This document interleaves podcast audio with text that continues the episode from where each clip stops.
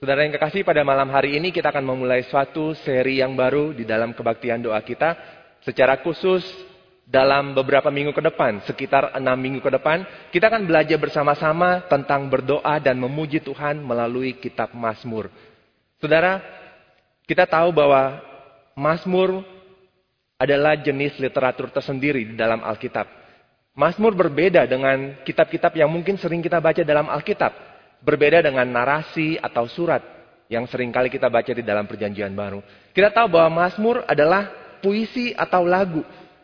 Sehingga ketika kita membaca kitab Mazmur, kita bukan hanya sekedar belajar doktrin. Tapi ketika kita membaca Mazmur, biarlah kita juga mencoba untuk merasakan apa yang disampaikan melalui kata-kata yang ditulis. Kita tahu bahwa ketika kita misalnya menyanyikan suatu lagu, lagu bukan hanya menyampaikan pesan melalui kata-kata, tetapi di balik lagu itu ada suatu perasaan yang diungkapkan, yang diekspresikan. Saudara saya masih ingat ketika saya masih lebih muda, belasan tahun yang lalu ada lagu-lagu yang saya sempat menyukai lagu-lagu galau, bisa disebut demikian. Salah satunya adalah lagu My Immortal.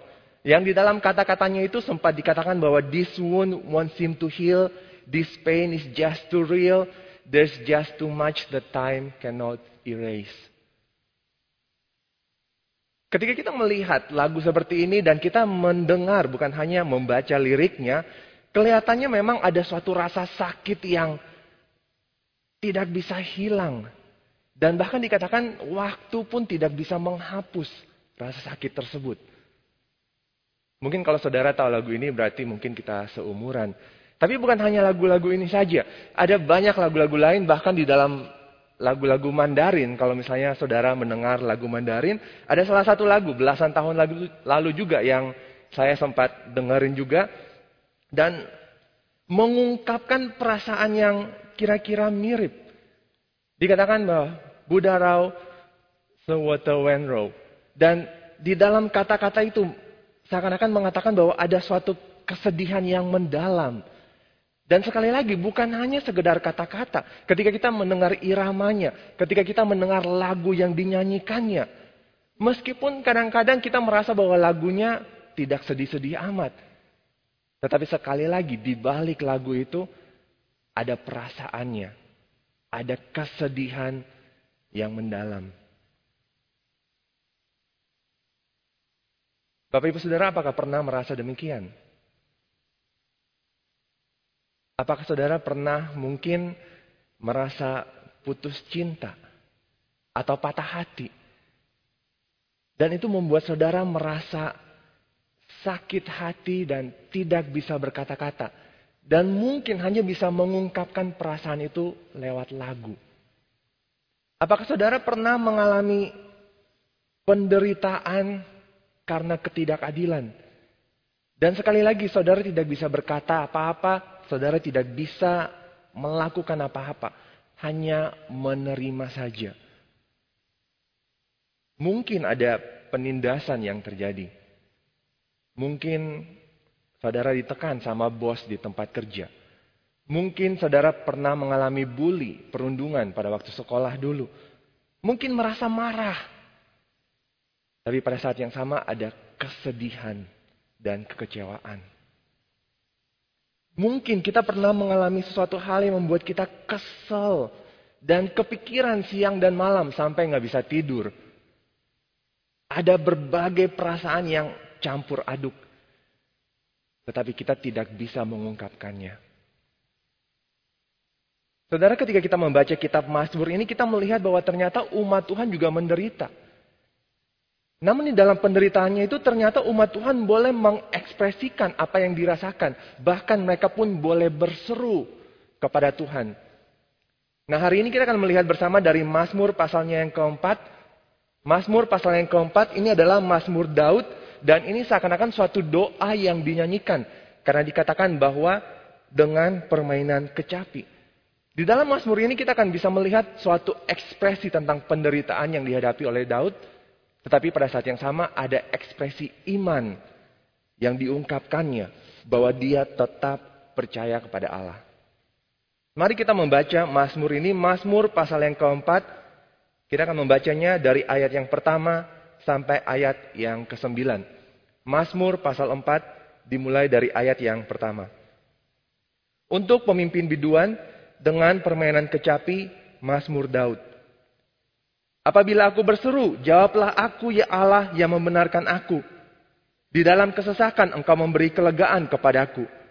Kasihanilah aku dan dengarkanlah doaku.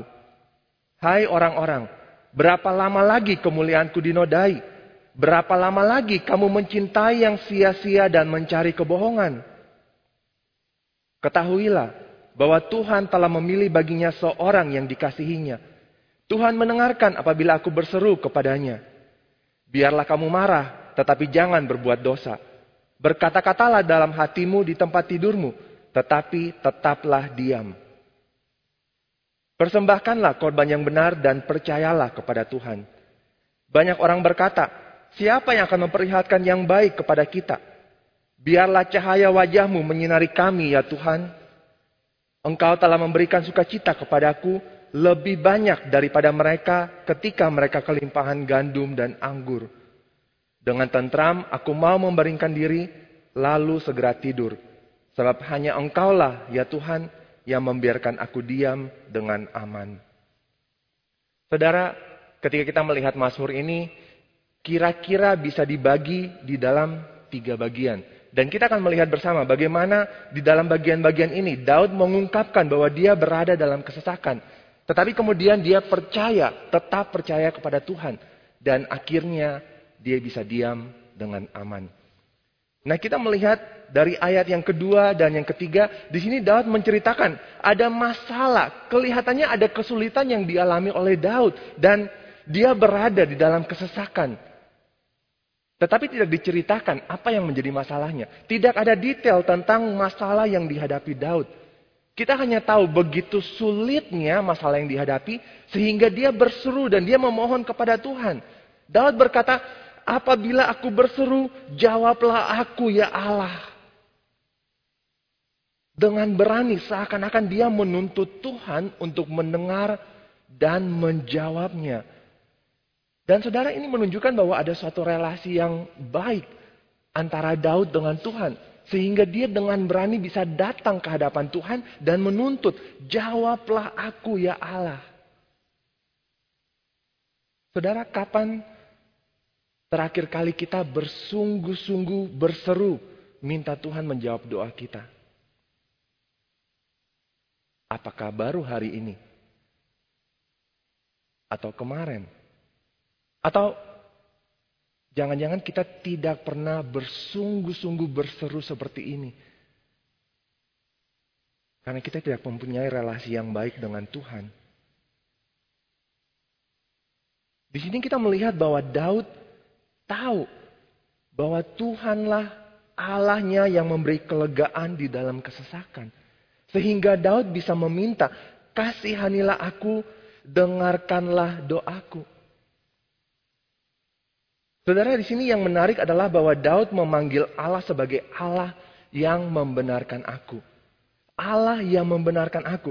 Apa pun penderitaan yang dialaminya, kelihatannya ini bukan karena kesalahan Daud. Daud tidak bersalah. Dan karena itu dia bisa mengatakan bahwa Allah yang membenarkannya. Ada suatu gambaran tentang Allah yang adil. Dan Allah sebagai hakim yang adil itu yang membenarkan Daud dalam masalah yang dihadapinya. Lebih jauh, ayat yang ketiga memberikan suatu petunjuk bahwa mungkin ada orang-orang yang menjadi sumber masalah bagi Daud. Dan di sini orang-orang ini bukan hanya orang-orang biasa, Kata-kata yang dipakai di sini orang-orang, kalau kita lihat dalam bahasa aslinya, sebenarnya menunjuk kepada orang-orang yang mempunyai kekuasaan dalam masyarakat. Mereka yang punya status tertentu. Mereka yang mempunyai jabatan. Dan orang-orang inilah yang ternyata menjadi sumber penderitaan Daud. Mungkin dengan kebohongan mereka, mungkin dengan fitnahnya mereka, mereka menodai reputasi dan kemuliaan Daud. Sehingga dia menderita bahkan di dalam kesulitan yang mungkin dihadapi oleh bangsa Israel pada saat itu. Termasuk Daud. Orang-orang ini mereka menuduh Daud dan mereka mengatakan bahwa dialah penyebab masalah yang dihadapi mereka. Karena itu Daud harus meminta dan berseru kepada Tuhan. Karena dia tahu bahwa dia tidak bersalah dan Tuhan adalah hakim yang adil. Lebih daripada itu, Daud berkata dan bertanya kepada mereka, berapa lama lagi? Dan ini bukan hanya suatu pertanyaan, tetapi lebih daripada itu suatu tantangan kepada mereka. Bisa diartikan seakan-akan Daud berkata berapa lama lagi atau mau sampai kapan kalian mencintai yang sia-sia dan mencari kebohongan. Seakan-akan Daud mengajak mereka baliklah, kembalilah dari semua kejahatan yang yang mereka lakukan. Sadarilah apa yang kalian lakukan dan berbaliklah. Berhentilah berbuat jahat. Jangan terus-menerus berbuat yang salah dan mencari yang sia-sia dan kebohongan. Saudara sampai di sini kita harus berhenti sejenak dan merenungkan apa yang Daud tuliskan di sini. Kalau selama ini kita adalah sumber masalah bagi orang lain, kalau selama ini kita adalah sumber kesulitan bagi orang lain, mari kita sadari dan mari kita bertobat kita berbalik dari semua kejahatan kita. Karena kita tahu bahwa Allah adalah hakim yang adil. Dan dia pasti membenarkan orang-orang yang benar. Dan bagi orang-orang yang salah pasti dihukum. Nah di sini Daud mengajak mereka untuk berbalik dari semua kejahatan mereka. Daud mengajak mereka untuk sadar. Tetapi ketika Daud mengajak orang-orang ini untuk sadar, di bagian berikutnya, ternyata Daud juga sendiri menjadi sadar siapa Allahnya ini. Dan kita bisa melihat di ayat yang keempat, Daud berkata, ketahuilah. Seharusnya mereka sudah tahu. Jadi Daud hanya mengingatkan mereka. Tetapi sekaligus ketika dia mengingatkan mereka, dia pun mengingatkan dirinya sendiri. Tahu apa? Tahu bahwa Tuhan telah memilih baginya seorang yang dikasihinya. Bahwa Tuhan punya relasi yang khusus dengan umatnya. Mereka yang dikasihi dan dipilihnya. Dan secara khusus di sini termasuk Daud sendiri sebagai raja yang diurapi oleh Tuhan. Dan karena itu Daud mengatakan, Tuhan mendengarkan apabila aku berseru kepadanya. Tadi di awal kita melihat dimulai dengan suatu seruan Daud, apabila aku berseru jawablah aku ya Allah. Tetapi sekarang ada suatu keyakinan bahwa Tuhan mendengarkan apabila aku berseru kepadanya. Kenapa? Karena Daud tahu bahwa dia dipilih dan dikasihi oleh Tuhan. Karena itu dia yakin bahwa Tuhan mendengarkan.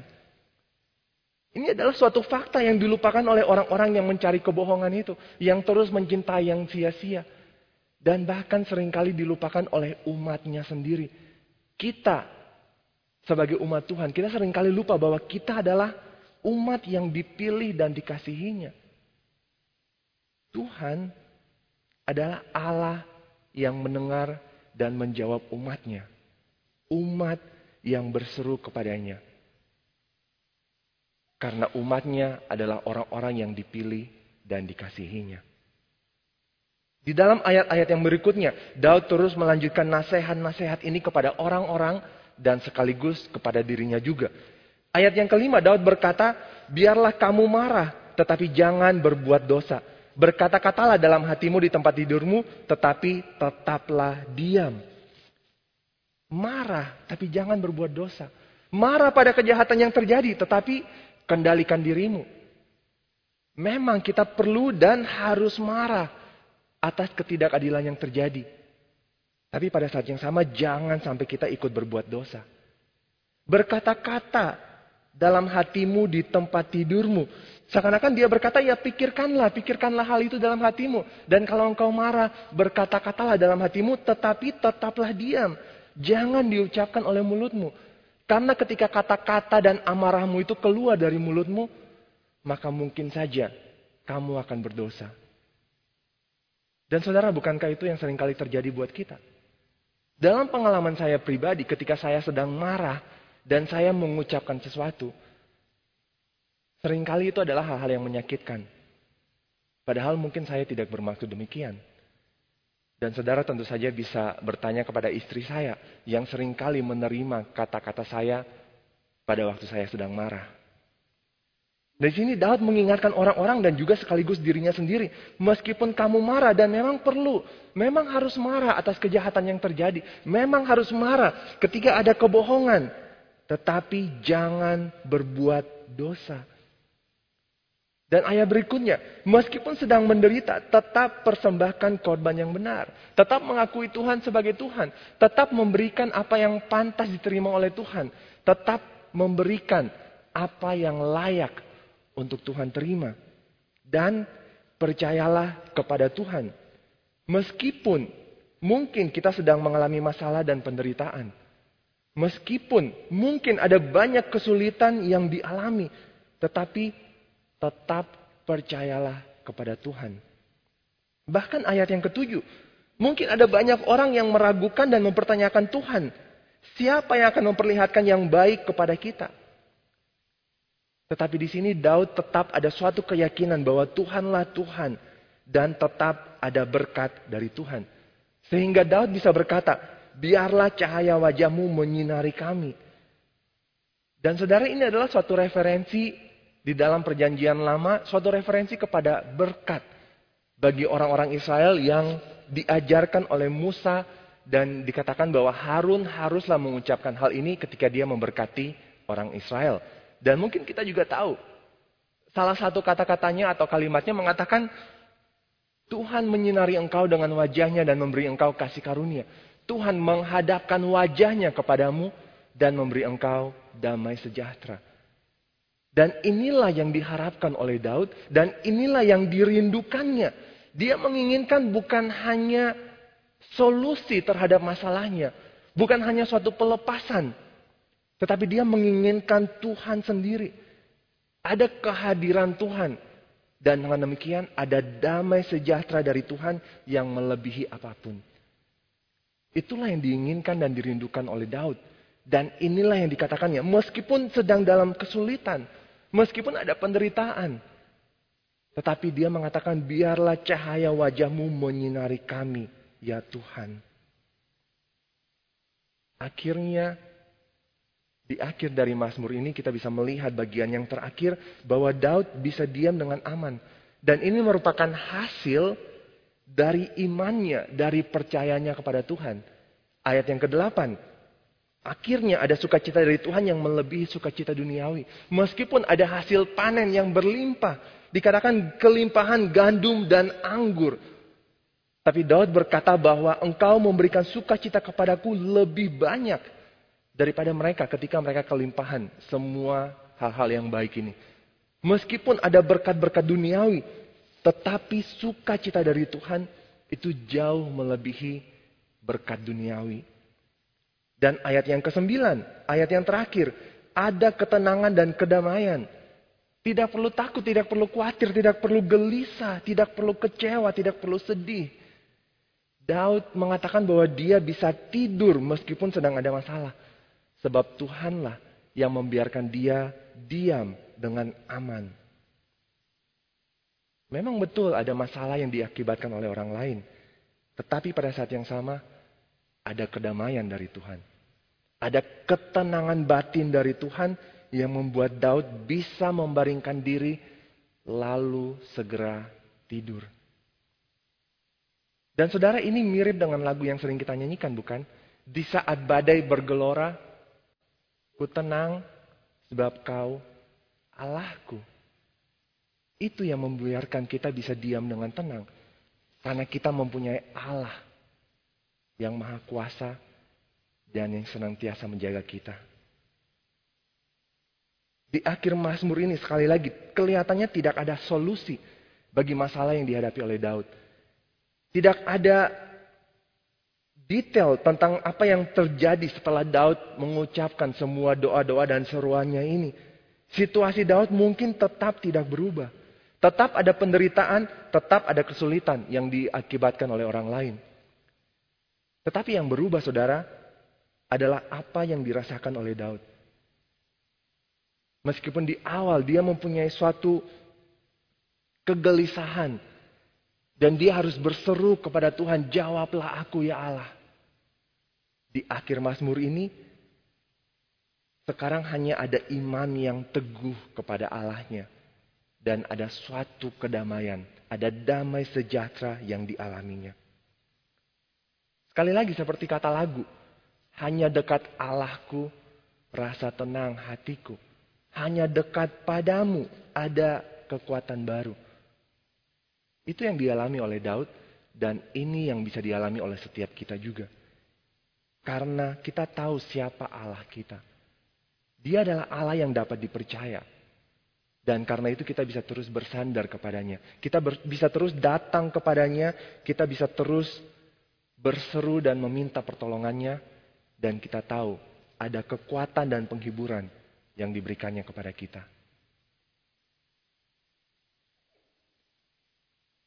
Bapak ibu saudara apakah pernah tidak bisa tidur karena masalah yang dihadapi? Atau mungkin saudara pernah tidak bisa tidur banyak pikiran gara-gara orang lain. Biasanya di dalam kesulitan dan penderitaan yang kita hadapi, apa reaksi kita? Apa yang kita lakukan?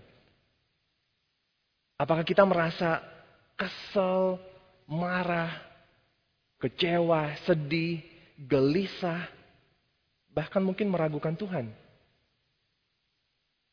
Atau sebaliknya, kita semakin mendekat kepada Tuhan, berseru minta tolong, percaya dan bersandar sepenuhnya kepada Tuhan. Seperti yang dilakukan oleh Daud di dalam Mazmur 4 ini. Saudara saya nggak tahu apa masalah pribadi yang setiap kita sedang alami saat ini. Mungkin ada penderitaan yang sedang kita hadapi, mungkin ada kesulitan yang sedang kita alami yang orang lain tidak tahu.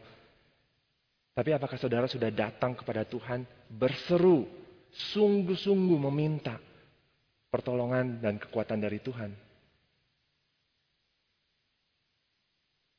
Saudara, kalau Tuhan kita adalah Allah yang telah memilih kita, yang telah mengasihi kita, membenarkan kita, dan mendengarkan kita,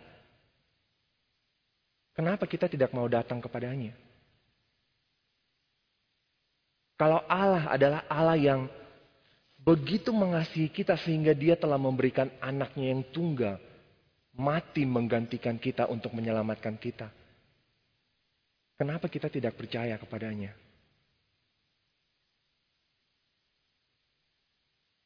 Saudara mungkin tidak ada solusi yang langsung bagi masalah kita. Ketika kita berdoa dan bersuruh kepada Tuhan, mungkin masalah kita tetap ada. Tapi yakinlah bahwa dia selalu menyertai dan memberikan kekuatan kepada kita. Apa pun masalah kita, kita perlu terus percaya dan bersandar kepadanya. Karena itu pertanyaan terakhir pada malam hari ini. Apakah saudara berada dalam kesesakan? Kalau memang kita sedang mengalami kesulitan, mari belajar dari Daud. Terus percaya kepada Tuhan dan yakinlah kita bisa diam dengan aman karena Allah selalu menyertai kita dan dialah yang akan memberikan kedamaian itu bagi kita. Mari kita berdoa. Bapak kami yang di surga, kami bersyukur Tuhan untuk firman-Mu pada malam hari ini. Kembali mengingatkan kami bahwa Engkau adalah Allah. Dan kami hanya perlu untuk terus percaya dan bersandar kepadamu. Kami bersyukur Tuhan punya Allah seperti Engkau yang terus mendengarkan kami ketika kami berseru kepadamu. Kami bersyukur Engkau telah memilih dan mengasihi kami sebagai umatmu. Dan karena itu Engkau punya akan terus menyertai kami, memberikan kekuatan bagi kami, bahkan memberikan kedamaian bagi kami. Tuhan, kami bersyukur untuk teladan dari Daud dan pada saat yang sama kami berdoa supaya Tuhan juga yang terus menolong kami. Supaya kami pun boleh tetap percaya kepada Tuhan. Apa pun masalah yang kami hadapi, apa pun kesulitan yang kami alami. Kami boleh terus bersandar kepada Tuhan. Kami boleh tetap percaya kepada Tuhan.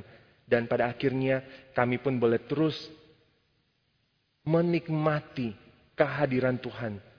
Yang memberikan damai sejahtera dan ketenangan dalam kehidupan kami. Terima kasih Tuhan. Biarlah engkau yang terus menolong kami supaya kami boleh mengingat akan hal ini. Bahkan Tuhan yang menyempurnakan firman-Mu ini dalam kehidupan kami masing-masing. Dalam nama Tuhan Yesus kami berdoa. Amin.